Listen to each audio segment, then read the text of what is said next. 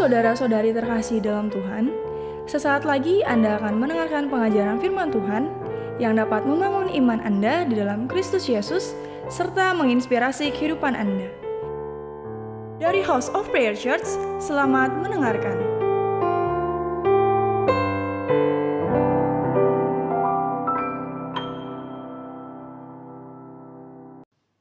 Teman-teman, hari ini saya akan ajarkan teman-teman mengenai pengelolaan keuangan. Ya. Nah sebelumnya saya mau kenalan dulu, nama saya Rudi.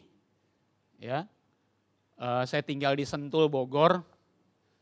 Sejam lebih deh menuju kemari, tapi puji Tuhan nggak macet karena di luar sana orang pada ketakutan tadi ya, karena ada virus dan lain sebagainya. Tapi anak-anak Tuhan di tempat ini tetap tersenyum, ketawa dan sehat. Amin.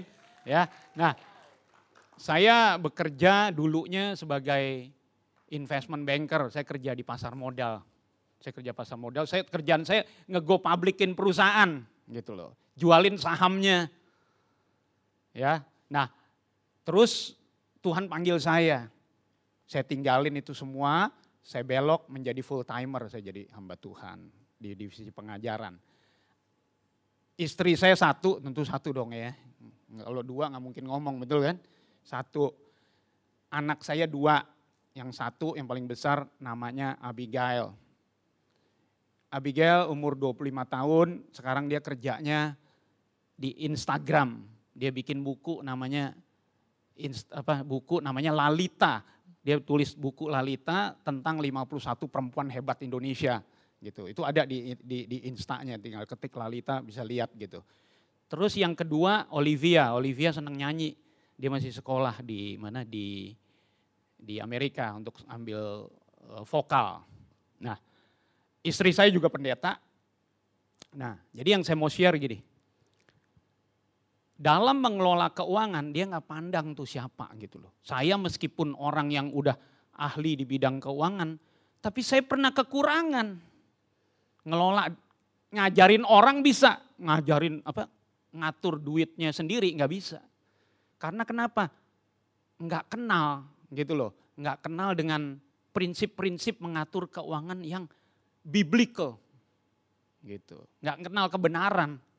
Wah ternyata babak belur gitu loh. Bisa kekurangan anak saya mau sekolah SMP nggak punya duit gitu. Anda mungkin belum mikirin ini dulu, mikirin diri Anda dulu gitu. Ntar kalau Anda udah menikah ya, teman-teman udah menikah, mikirin tuh anak gimana tuh ntar sekolah gitu. Ya, mau bayarnya pakai jagung, pakai beras, nggak bisa, harus pakai uang gitu. Ada orang yang cuma office boy, ini di gereja nih, masih eksis ada. Tapi dia uh, apa staf biasa tapi dia bisa punya rumah atas nama dia sertifikatnya hak milik. Hebat nggak? Terus punya punya tabungan gitu loh buat anaknya sekolah. Terus bisa bikin speaker dan disewa-sewain untuk hajatan kampung. Bisa dapat pasif income. Nah, hebat nggak? Tapi ada teman saya yang kerjanya di pasar modal, income-nya oh, mungkin 60-70 juta gitu per bulan. Tinggalnya di apartemen, apartemennya sewa bukan dia punya. Naik mobil mewah, mobil kantor. Punya tas Hermes yang asli, tapi ngutang. Kredit cardnya banyak, didatengin debt collector. Yang mana yang kaya? Nah, bingung kan? Saya bertanya Tuhan kenapa nih yang kaya yang mana? Oh kaya miskin bukan urusan begituan. Bukan urusan banyaknya hartanya. Bukan urusan penampilannya. Tapi bisa nggak dia hidup dengan sukacita, punya kuasa untuk menikmati. Betul? Kecukupan, nggak ngutang-ngutang. Nah ternyata kenapa kok bisa begitu Tuhan ada yang miskin, ada yang kaya. Gitu. Tuhan bilang, oh karena salah ngelola uang adalah penyebab kemiskinan meskipun ada orang-orang yang diizinkan Tuhan masuk dalam proses pencobaan keuangan, ada supaya karakternya lebih baik. Tapi hampir banyak saya lakukan interview, konseling, uh, gara-gara salah kelola uang 80% lah, kebanyakan salah kelola uang penyebab kemiskinan. Satu, hidupnya terlalu konsumtif, betul? Besar pasak daripada tiang. Income-nya 5 juta, belanjanya bulanan 7 juta. Terus dia bilang, saya udah doa terus. udah bayar perpuluhan. Kok kekurangan mulu, betul ya? Masuk 5 juta, keluar 8 juta.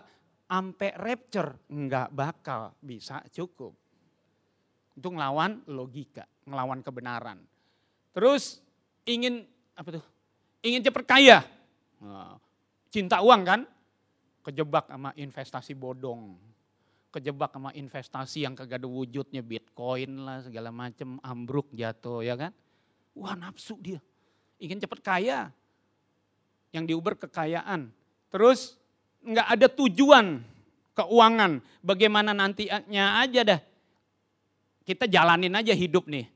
Nanti untung ada ada sediaan. Kalau nggak ada, ya udah bagaimana nanti Tuhan aja. Nggak bisa, itu bagian kita.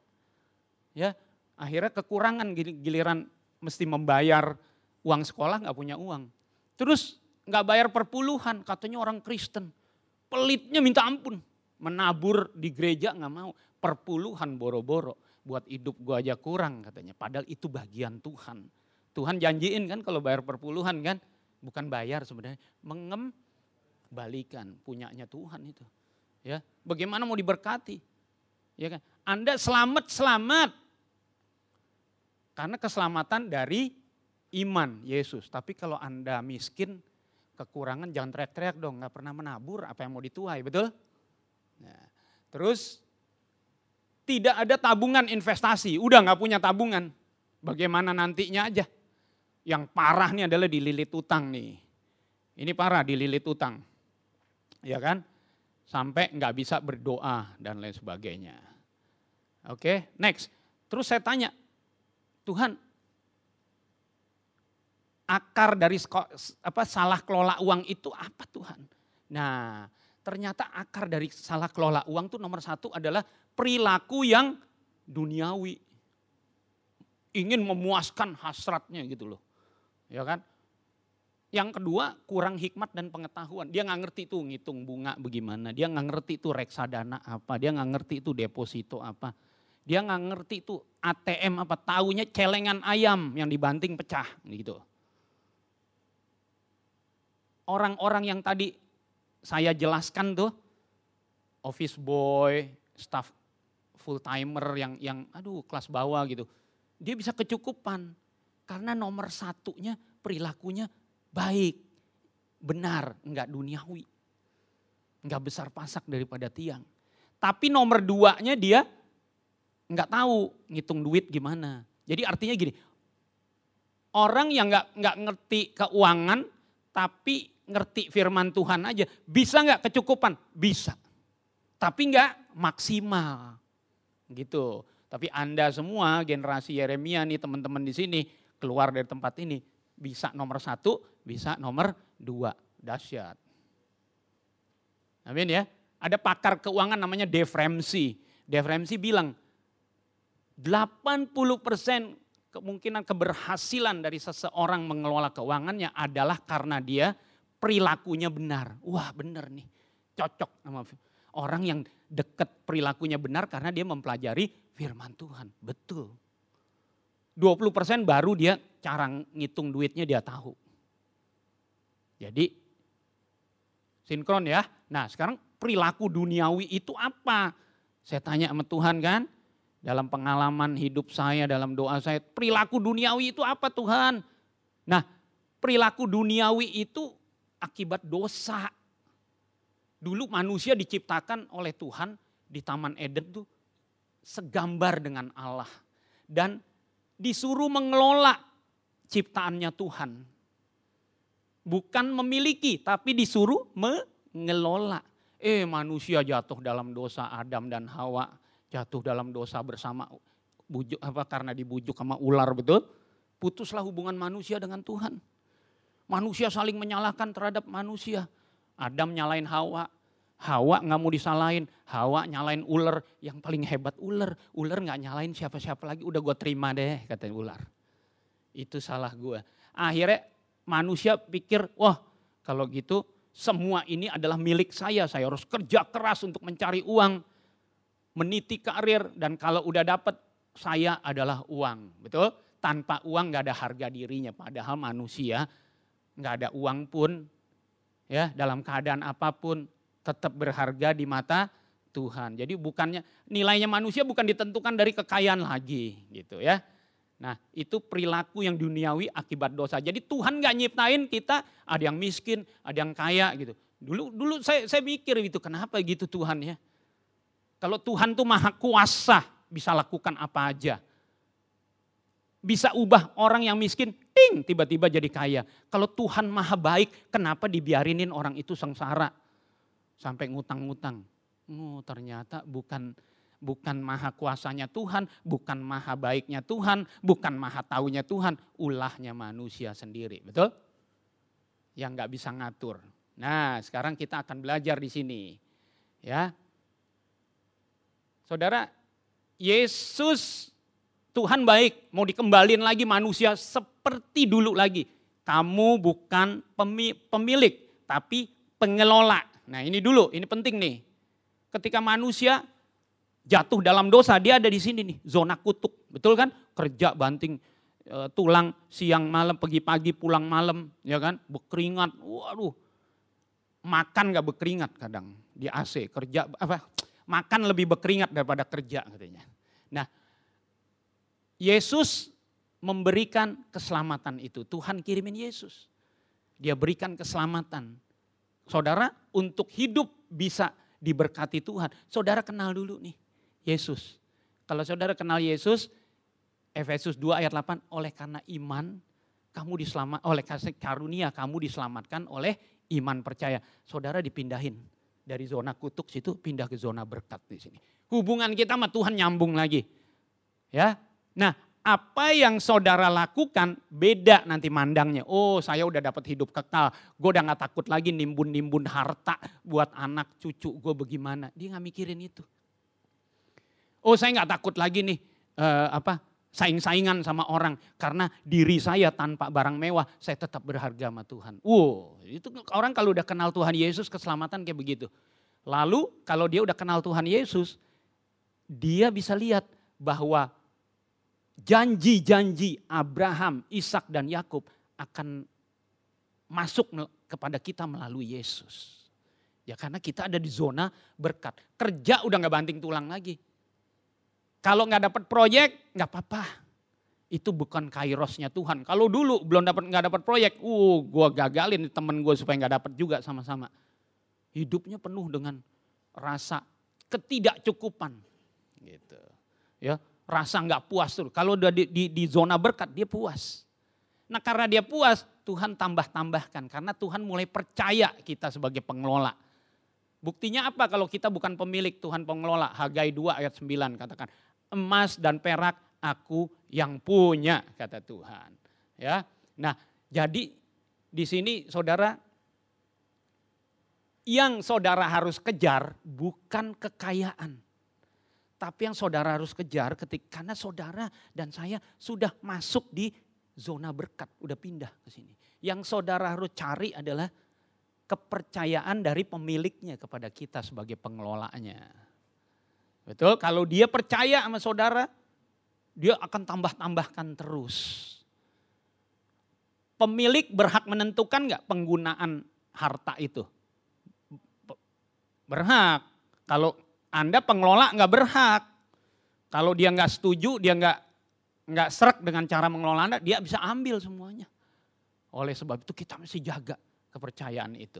Om Rudi, saya mau, mau belajar nih tentang mengelola keuangan gimana yang baik belajar di Alkitab, Tuhan sangat berperkara dengan uang dan harta. Di Alkitab udah diatur.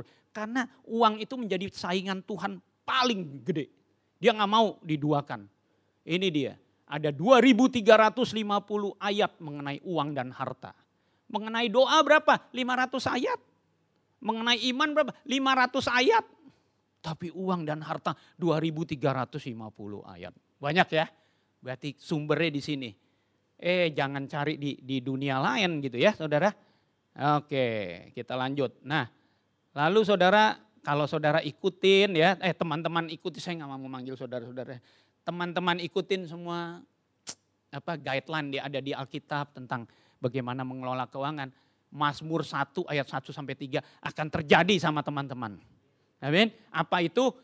Berbahagialah orang yang tidak berjalan menurut nasihat orang fasik, yang tidak berdiri di jalan orang berdosa, dan yang tidak duduk dalam kumpulan penyemooh. Artinya apa? Kerjanya benar, kerjanya jujur, kerjanya bersih.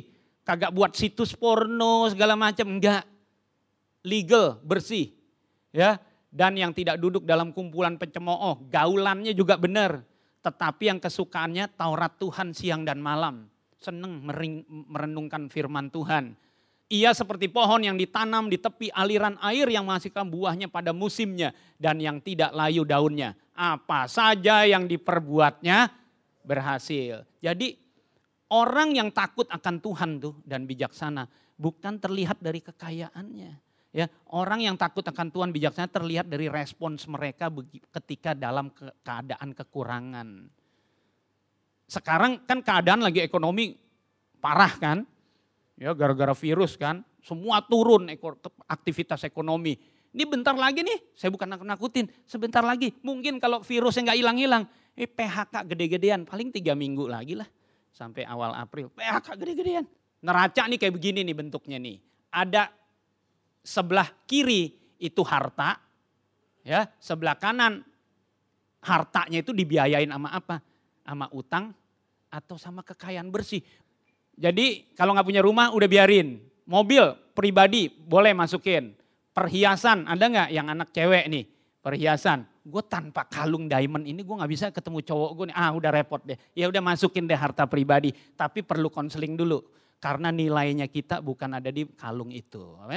Terus punya utang nggak? Utang jangka pendek. Tagihan kartu kredit. Pasti banyak dong kartu kredit kan.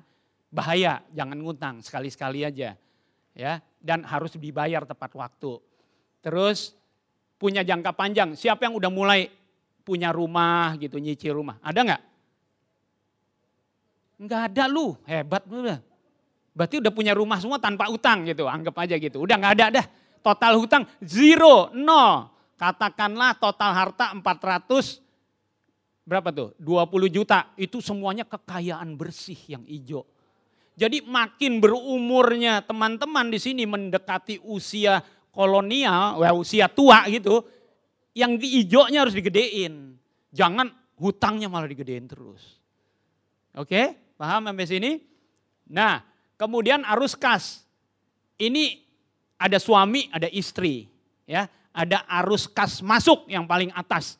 Income, gaji, hasil dagangan, hasil fee dari influencer, hasil fee dari youtuber, masukin situ semua. Ya, dapat bulanan dari orang tua boleh nggak? Ya udah boleh masukin dah income juga kan buat kamu gitu loh. Arus kas masuk. Terus di bawahnya ada arus kas keluar. Bayar pajak nggak? Saya nggak pernah bayar pajak, penumpang gelap harus bayar. Ya kan? Kemudian perpuluhan. Nah, mengembalikan perpuluhan dan persembahan khusus. Itu nomor satu. Jangan dipotong-potong sama kehidupan Anda dulu, baru sisanya kalau ada bayar perpuluhan. Enggak bakal ada. Tuhan ditaruh yang paling belakang. Dari cara bikin budget arus kas kayak begini kita tahu, oh dia mendahulukan Tuhan. Gitu. Apakah jaminan? Belum tentu juga jaminan akan hidup surplus. Masih diatur juga ya kan? Ada cicilan utang, ada tabungan, ada pengeluaran variabel. Ini variabel nih yang nggak nggak bisa diatur kalau nggak keluar biaya itu masih bisa hidup gitu ya. Beli pakaian, beli HP ya kan, beli sepatu. Emang beli sepatu tiap minggu kan enggak gitu ya. Anda bisa atur sendiri. Emang harus makan restoran terus. Kan masak telur dadar juga masih bisa gitu. Ya jangan makan Indomie terus bisa mati gitu loh ya kan? Tapi makanlah yang sehat, apalagi dalam keadaan corona begini harus olahraga, makan sehat. Sehat nggak perlu mahal. Nah kalau dihitung-hitung surplus apa enggak? Harus surplus, itu yang sehat. Ya, sekarang liatin dulu, nggak usah ngomong ke tetangga sebelah, udah biarin. Gue sehat apa enggak nih? Jangan-jangan negatif. Tapi ada yang tanya Pak Rudi, saya kagak tahu biaya hidup bulanan saya, repot, cilaka tuh mau mau belajar pengelolaan keuangan harus tahu dulu berapa pengeluaran Anda per bulan. Siapa yang udah menikah? Enggak, oh ada, hampir saya bilang enggak ada, ada. Suami berpenghasilan? Yes. Anda bikin ada suami, ada istri. Kalau ini kelompok ini saya udah bisa bilang nih, sendiri aja udah bikin diri saya sendiri gitu. Udah, diri saya sendiri bikin. Nah, ini yang saya mau kasih tahu. Ada bagian Tuhan yaitu arus kas masuk. Ada bagian manusia arus kas keluar. Jadi nggak bisa bilang tuh, saya udah doa, saya udah mengembalikan perpuluhan, tapi income saya nggak gede-gede berapapun income yang dibesarkan, kalau hidup Anda nggak ngirit, nggak bisa ngatur yang bagian kita, itu nggak bisa surplus. Jadi mungkin aja income itu udah besar, tapi kehidupan Anda yang boros. Itu kan bukan salah Tuhan, bagian kita dong. Tuhan dalam nama Yesus, hidup saya, saya tidak pengen ini, pengen itu. Dalam nama Yesus, cabut keinginan saya. Sering gak doa begitu? Dengar orang doa gitu, sering. Bagaimana mau cabut? Dianya yang ngatur keinginannya dari free will manusia, kehendak bebas. Betul? Nah, kalau ini yang saya mau kasih tahu. Ada suami istri datang ke saya, konseling, ribut terus. Suami saya boros nih hidupnya, negatif terus cash flow-nya. Setelah saya jabarin kayak begini, eh istrinya bisa lihat, uh ternyata meskipun suaminya income-nya lebih kecil, tapi pengeluaran istrinya, pedicure, medicure, salon, semua masuk ke dalam suaminya semua. Lihat nggak tuh? Semua. Rumah tangga semuanya ya. Waduh, akhirnya jebol lah suaminya negatif. Tapi dari situ keluarga ini bisa saya pulihkan. Nggak jadi bercerai. Dia bisa lihat. Apalagi yang kelompok sini nih. Right wing. Wah udah tinggal ngatur dirinya sendiri paling gampang kan. Oke, next dari data itu sekarang kita mau lihat sehat apa enggak kita. Satu, yang sehat adalah di ATM saudara punya dana cukup membiayai 3 sampai 6 bulan biaya hidup. Ada enggak di sini? Oh, ya, jangan hahaha enggak ada kan? Kalau enggak ada, taruh dulu duitnya di situ. 3 sampai 6 bulan, itu sehat. Saya belum kerja Pak Rudi, no problem, latihan. Latihan ya. Yang sehat tuh keluarga bagi yang sudah menikah 3 sampai 6 bulan untuk biaya hidup. Ini saya dapat dari prinsip Financial Planning Standard Board Indonesia. Saya memegang license sebagai CFP, Certified Financial Planner. Jadi saya belajar, saya punya patokan-patokan ini dari FPSB. 3 sampai 6 bulan. Kenapa 3 sampai 6 bulan? Kenapa enggak lebih? Karena kalau lebih enggak efisien duitnya ada di ATM. ATM itu murah banget bunganya cuma sekarang berapa dalam keadaan gitu diturunin terus sama Sri Mulyani bunganya. Wah kecil banget paling bisa 0,5 kali. Ya, nggak efisien jadi mesti diinvestasikan kalau lebih. Keluarga di sini tuh dia 8,22 bulan nggak sehat. Dia mesti ambil kelebihannya masukin di investasi, jangan di ATM. ATM nih maksud saya nih, dana darurat namanya. Ya, 3 sampai 6 bulan. Oke, paham? Jadi harus tahu dulu biaya bulanan hidupnya berapa, pasti. Ya, saya tahu exactly biaya bulanan saya.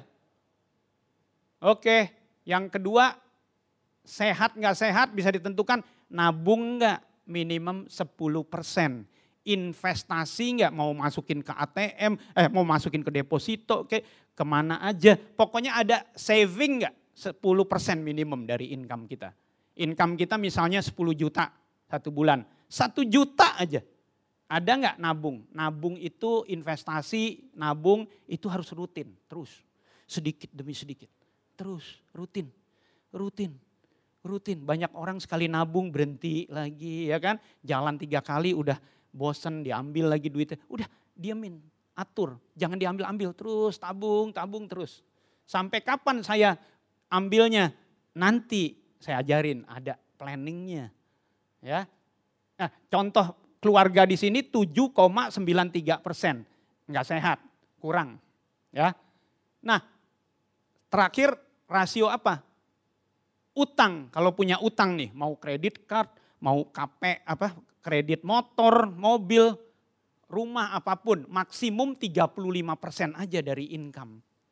Karena kalau lebih dari itu, kalau terjadi kenaikan bunga dan lain sebagainya, Anda goyang cash flow-nya. Enggak baik, keberatan utang. Perusahaan aja keberatan utang sahamnya jatuh harganya, betul? Nggak bagus. Jadi manusia juga.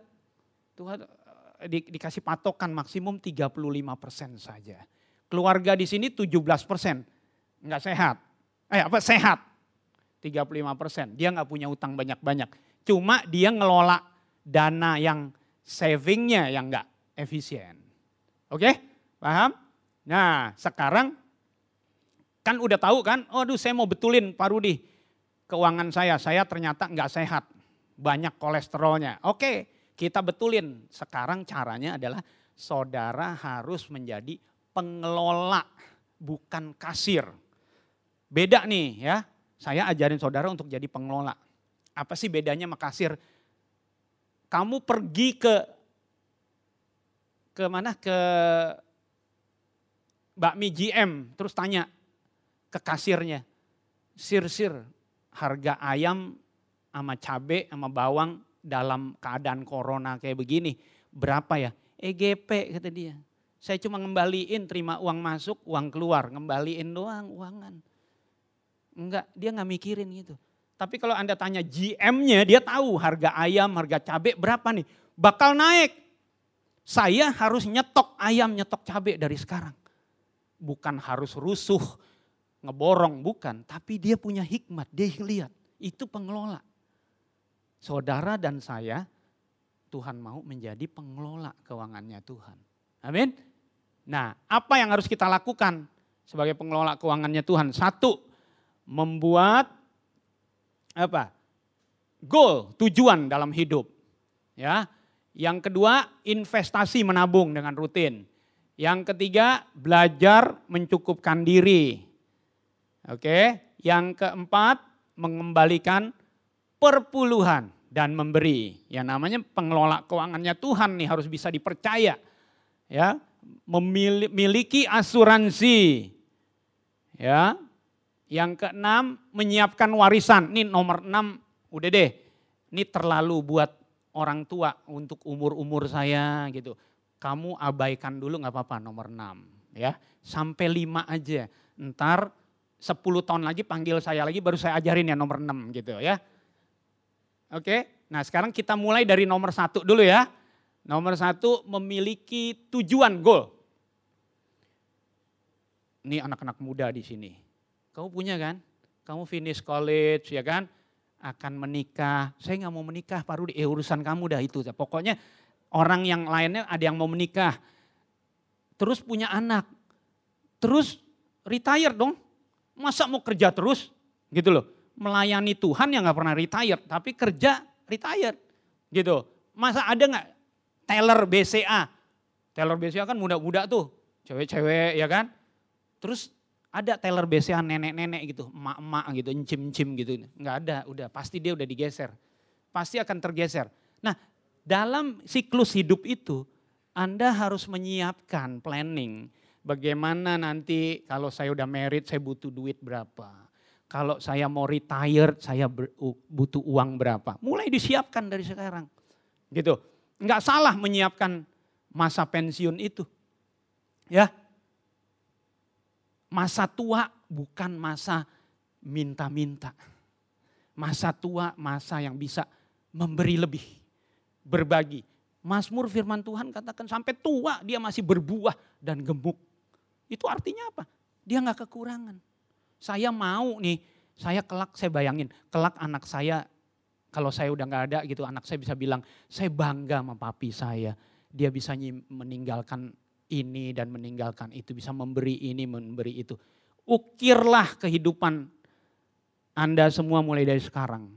Masa tua bukan masa minta-minta. Jadi harus di planning begitu. Bagi keluarga duduk, suami sama istri duduk sambil minum teh, makan donat, kita mikirin anak kita mau sekolah berapa nih butuh dananya ya. Tapi dalam bentuk uang. Nah dengan Anda membuat begitu, sebenarnya apa sih? Anda lagi membuat profesi, nubuatan. Kelak saya akan, anak saya akan sekolah di Amerika. Boleh nggak begitu? Boleh nggak apa-apa. Tuhan akan berjalan bersama Anda, doakan.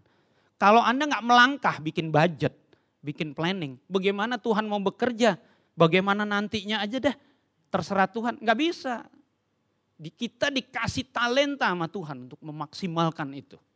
Tapi bukan mengejar kekayaan, sekali lagi ingat, tapi bagaimana kita bisa dipercaya mengelola oleh pemiliknya. Ya, tidak ada orang yang merencanakan untuk gagal, tetapi banyak orang gagal dalam membuat perencanaan. Amin. Oke, lanjut. Investasi menabung. Nah, kalau udah gini, kalau udah bikin perencanaan kan untuk kita capai dong. Nah, mencapainya gimana? Ya menabung dong, ya kan? Investasi. investasi itu sedikit demi sedikit. Ya, bukannya langsung mau jadi kaya. Ya, Amsal 20 Amsal 13 ayat 11 tuh. Harta yang cepat diperoleh akan berkurang, tetapi siapa mengumpulkan sedikit demi sedikit menjadi kaya. Itu Amsal tuh. Ngajarin Salomo tuh. Orang yang udah apa malang melintang di kehidupan dunia. Dia bisa bilang semua kesia-siaan kalau kamu nurutin hawa nafsu, kalau nggak ikutin maunya Tuhan. Sedikit demi sedikit. Ya. Nah, menabung lebih awal lebih baik. Nih, saya mau ajarin gini. Menabung lebih awal lebih baik. Ini ada dua orang nih, ada Miki, ada Roni. Ya, ada Miki, ada Roni. Bukan Miki di sini, bukan Roni di sini. Umur 25 si Miki mulai menabung seribu rupiah rutin. Masukin di tabungan atau investasi yang memberikan 10% bunga keuntungan. Terus setelah lima tahun dari umur 25 sampai umur 30 kan duitnya harusnya 5 ribu kan, satu tahun seribu, betul ya. Tapi ternyata saldonya berapa tuh? 6.105. Kenapa bisa lebih? Karena ada ada apa? Bunganya. Ada bunganya kan? Nah, terus dia tabung terus, tabung terus sampai umur 35 dia udah setor duitnya udah 10 ribu. Tapi saldonya lihat deh yang saldo saldonya itu yang sebelah kiri umur 35. Berapa? 15 ribu betul? Udah lebih. Eh terus si Roni tadi hidupnya kacau gitu ya. Nggak mau mati gaya terus, dugem terus. Dia nggak mikirin gituan. Tapi dia ikut kelas seperti ini bersama Anda di GBI Jembatan 2. Dia keluar. Waduh betul ya. Gue udah mulai tua nih umur 35. Saya mesti mulai menabung. Dia menabung ikut. Mulai umur berapa tuh? 40 eh, dia mulai, eh, umur 35 dia mulai nabung 1000-1000. Umur 40 saldonya baru 6105. Kalah nggak sama si Miki? 31772. Yang saya mau kasih tahu saudara gini, tuh lihat tuh. Lihat grafiknya ini ya. Yang merah itu Miki. Yang biru Roni.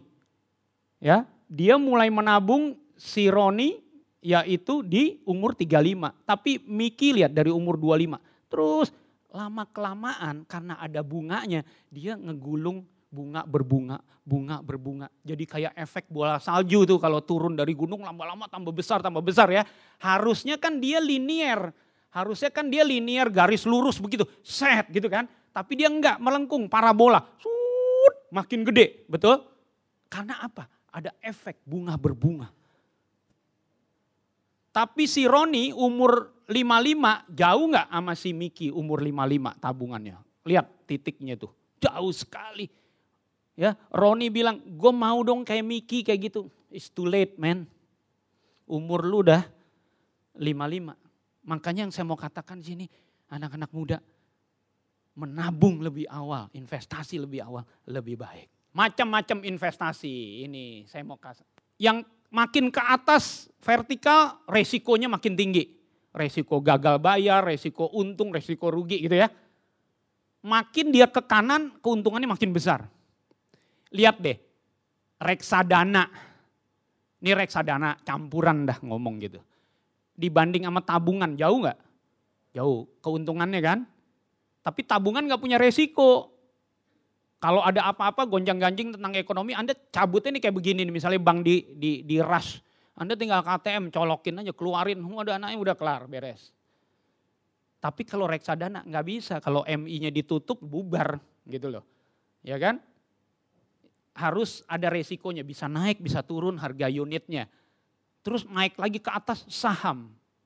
Ya, naik lagi ke atas lain-lain. Lain-lain itu apa Pak Rudi? Ya Mulai dari muda Anda udah punya otak jahat, pengen rentenir, lintah darat, pinjemin ke temennya gitu loh.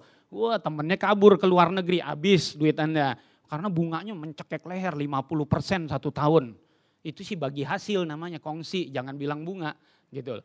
Jadi yang saya mau kasih tahu gini, makin tinggi keuntungannya, makin tinggi resikonya. Jadi jangan mau dibohongin sama sales yang datang, nih invest nih di saham, untung melulu dan tinggi terus gitu enyahlah kau iblis dari hadapanku. Saya udah belajar gitu ya.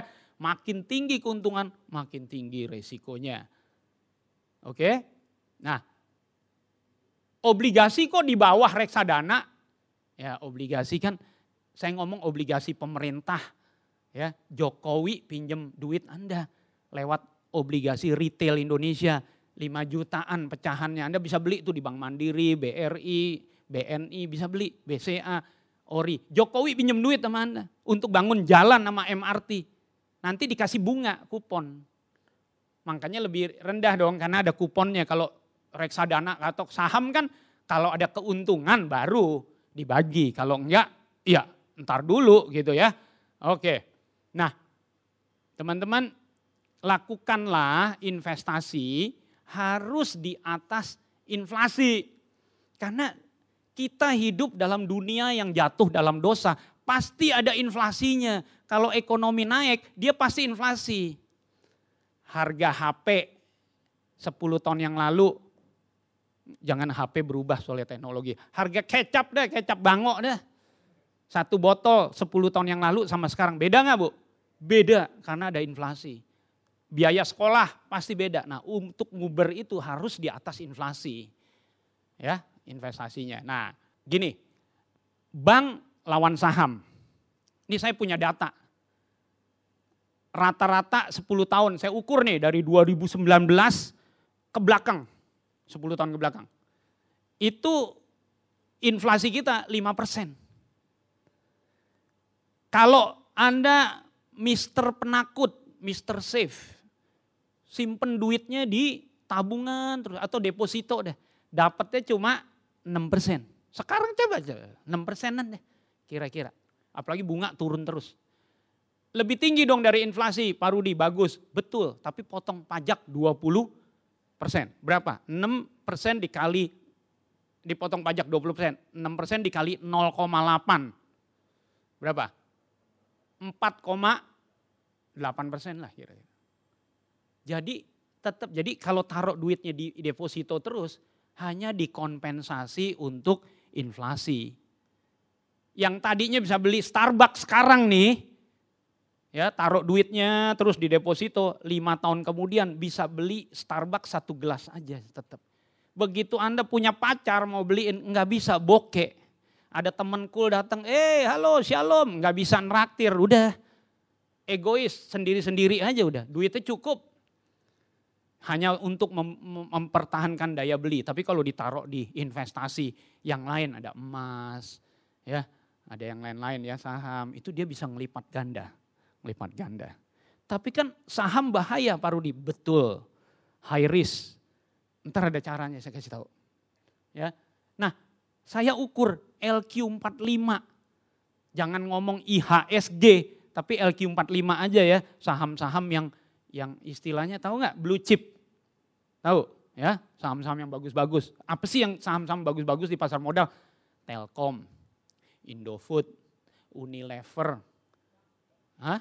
BCA, BRI, ya, Bukit Asam, Astra Internasional itu blue chip semua. Ya, itu diukur rata-rata selama 10 tahun. Ih, 7,37 persen loh bisa kasih kita. Tapi ini per Desember loh, sebelum saham jatuh hari seperti hari ini. Ya, sebelum jatuh nih, itu 7,37 persen. 10 tahun kita taruh. Berarti di atas inflasi gak? Nah, ada pajaknya gak? Ada. Berapa pajaknya? Tahu gak? Tadi deposito 20 persen kan? Kalau ini saham pajaknya 0,1 persen saja. Jauh banget.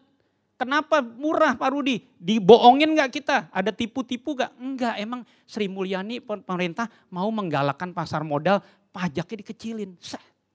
Makanya investor asing masuk, beli. Nah ini Desember. Siapa yang ngikutin saham sekarang? LQ45 berapa? Nah, jatuhnya berapa banyak? BCA dari saham 34 ribu sekarang 28 ribu. Masih turun lagi nggak Pak Rudi? Ntar dulu yang tahu Tuhan doang nih.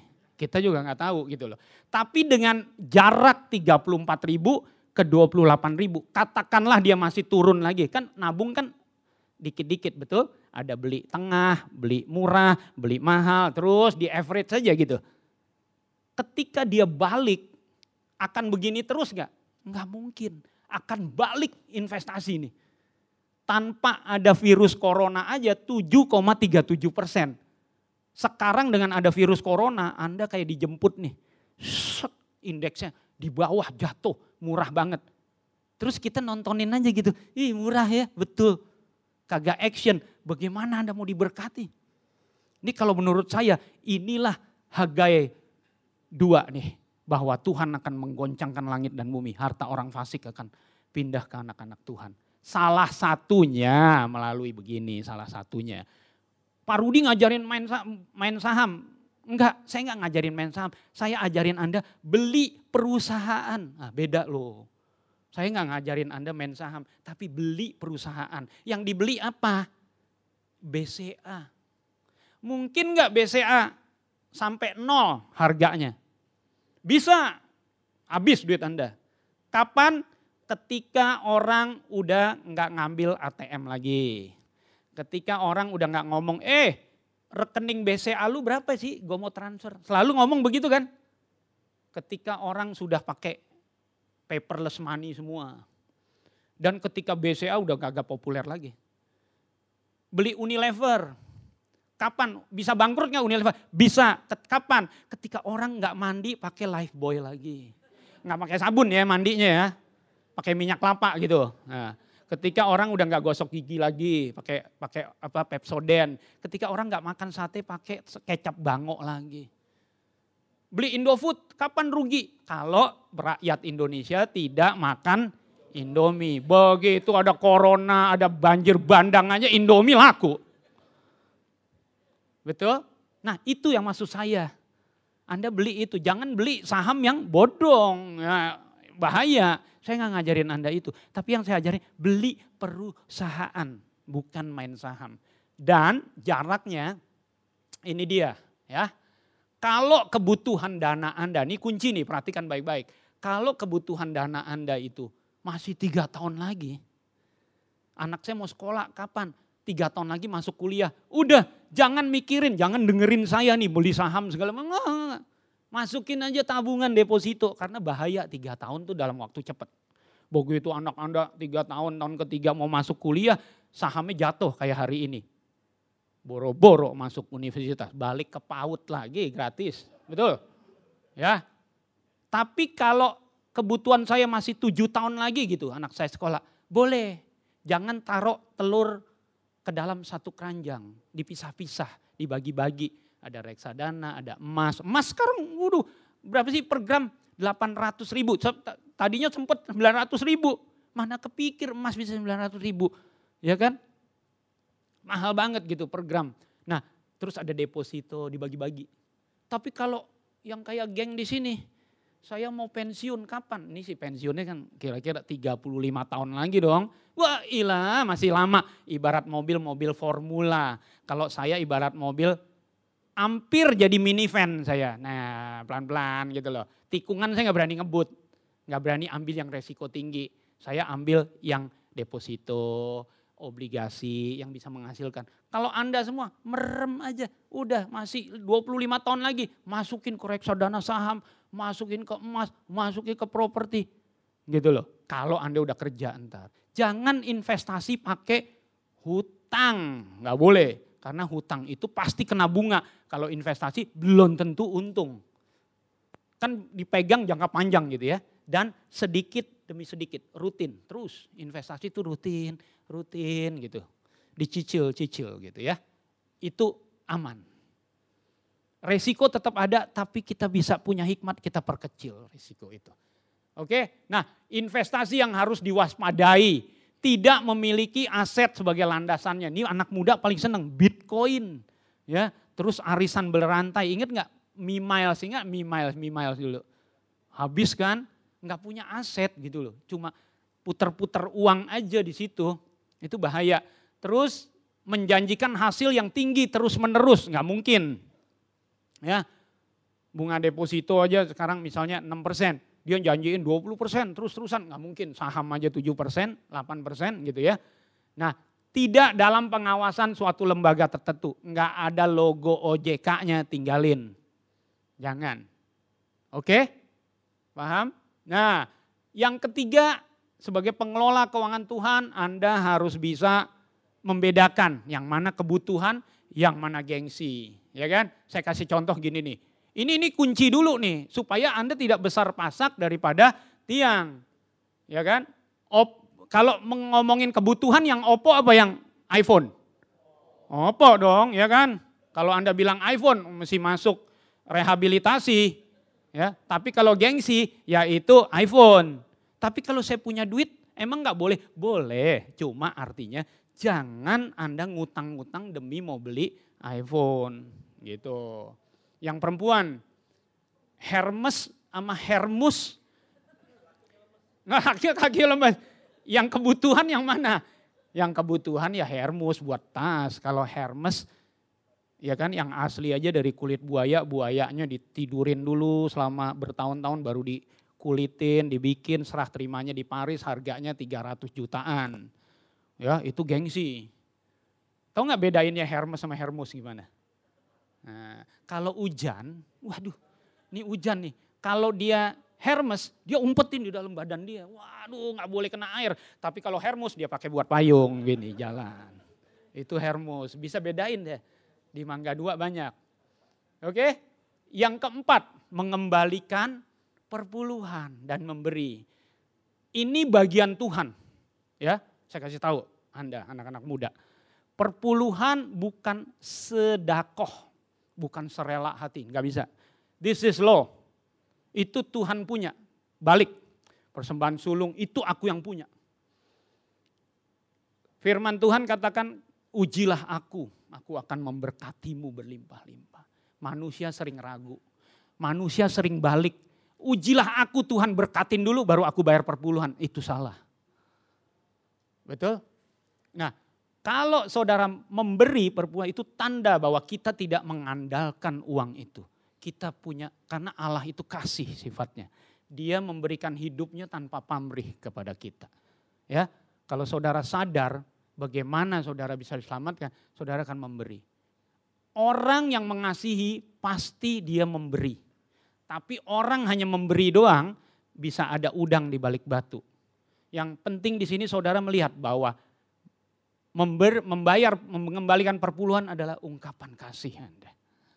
Ini harus Anda lakukan. Amin. Nah, yang kelima miliki asuransi. Ada seorang pendeta pergi kok bawa payung gitu loh.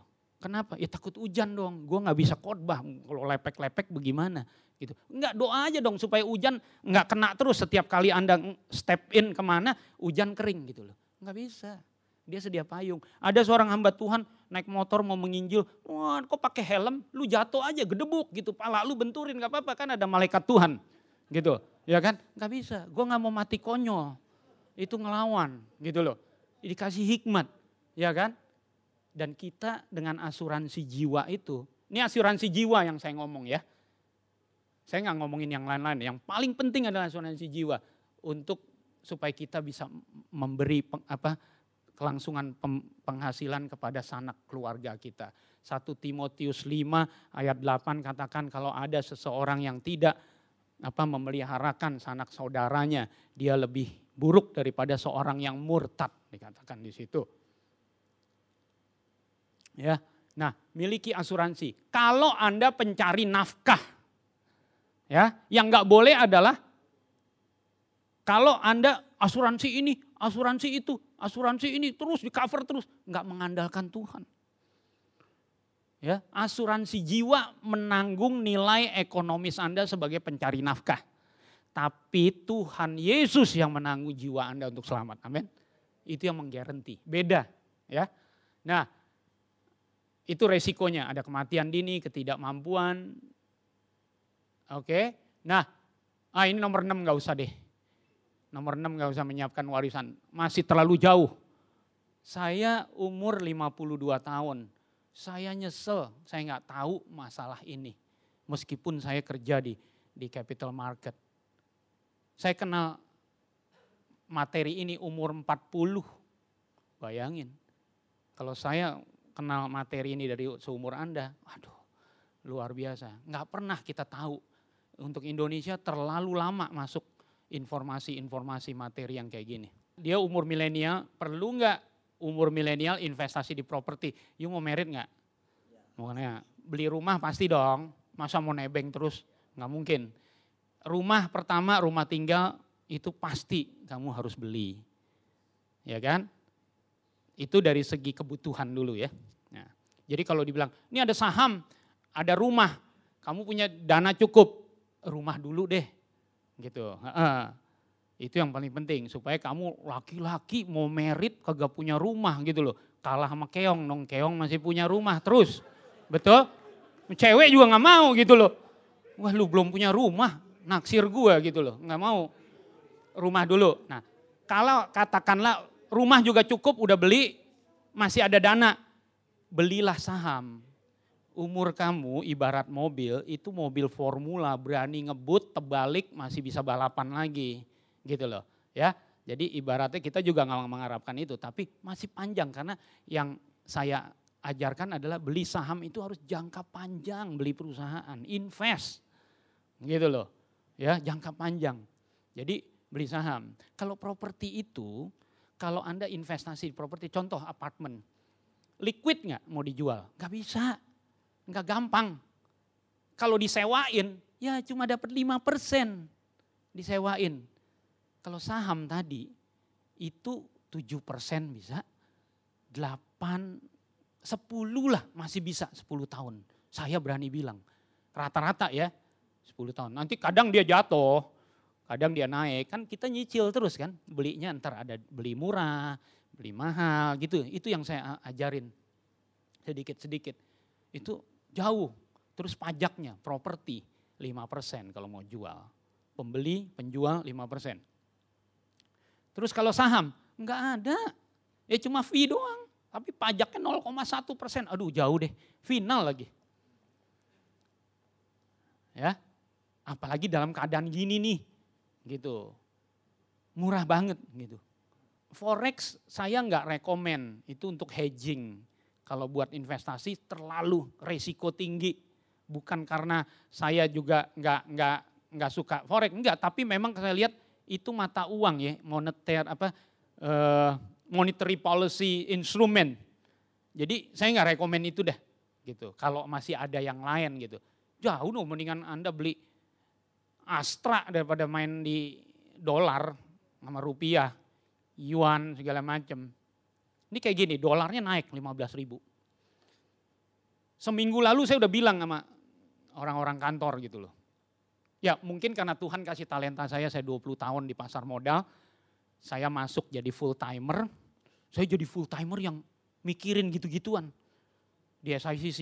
Di SICC kagak ada mikirin gituan, nggak ada. Cuma saya seorang diri doang yang peduli amat nih, khawatir gitu. Jadi buat mereka juga aneh juga nih Korudi nih, satu-satunya mikirin gitu. Saya saya kayak berprofetik gitu.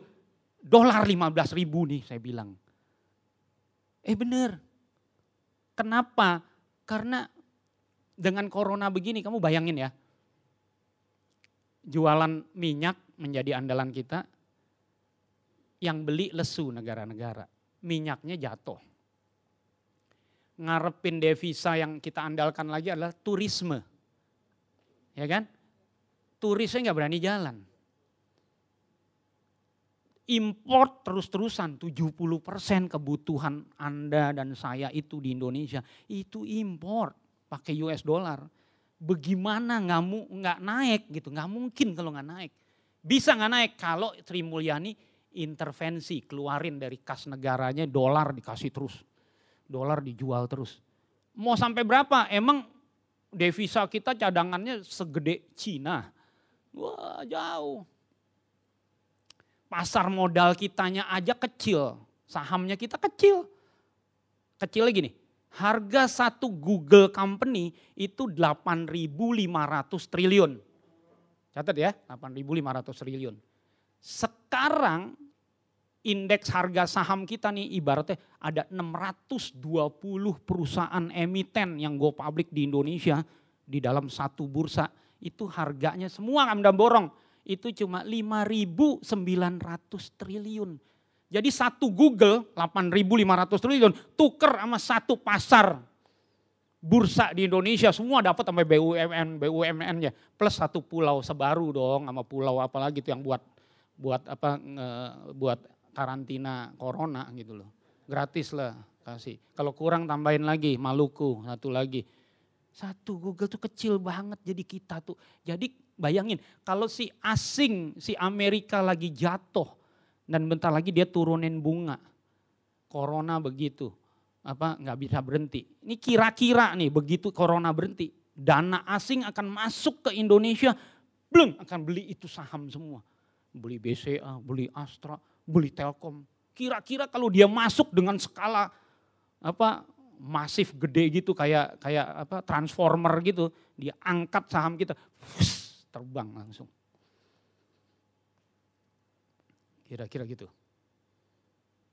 Ya. Tuh kalau di, kalau ngomongin saham seneng, tapi kalau ngomongin firman Tuhan yang penting, ya kan? Carilah dahulu kerajaan Allah serta kebenarannya, maka semuanya ditambahkan. Kalau saham langsung melontar semua gitu. Ingat loh, ya, ingat papa mertua saya, om nggak tahu kalian generasi ini tahu nggak? Papa mertua saya namanya Pak Dani Tumiwa. Beliau adalah wakilnya Pak Niko. Waktu saya bikin materi ini, Om Denny kasih tahu, oh Pak Denny, Rudi kamu bawain ini ingat, selalu dimulai firman Tuhannya dulu. Jangan langsung investasinya, karena takut orang salah nangkep ngajarin kekayaan. Saya tidak ngajarin kekayaan di sini. Ini harus saya ingetin terus ya. Carilah dahulu kerajaan Allah serta kebenarannya. Jadilah pengelola Tuhan yang bisa dipercaya dulu. Ya, kalau itu kamu lakukan, kamu akan diberkati Tuhan berlimpah-limpah. Akan dititipkan terus sambil Anda punya profetik doa. Tuhan saya mau dapat jodoh yang kayak begini. Nanti saya berumah tangga. Iya dong bisa ngebayangin dong. Saya males kok Rudi bermimpi gitu. Wah ini repot nih. Mimpi aja yang gratis dia males. Ada.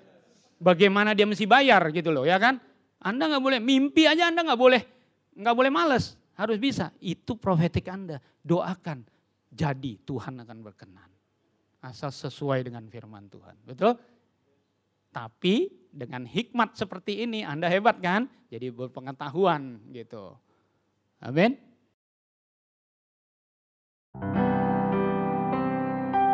Anda telah mendengarkan sharing firman Tuhan yang disampaikan oleh hambanya. Untuk mendengarkan rekaman khotbah lainnya, Anda dapat mengunjungi website hope.church/sermon atau streaming melalui handphone Anda Hope Church Podcast di Spotify dan Apple Podcast. Tuhan Yesus memberkati. Strong families, strong generation.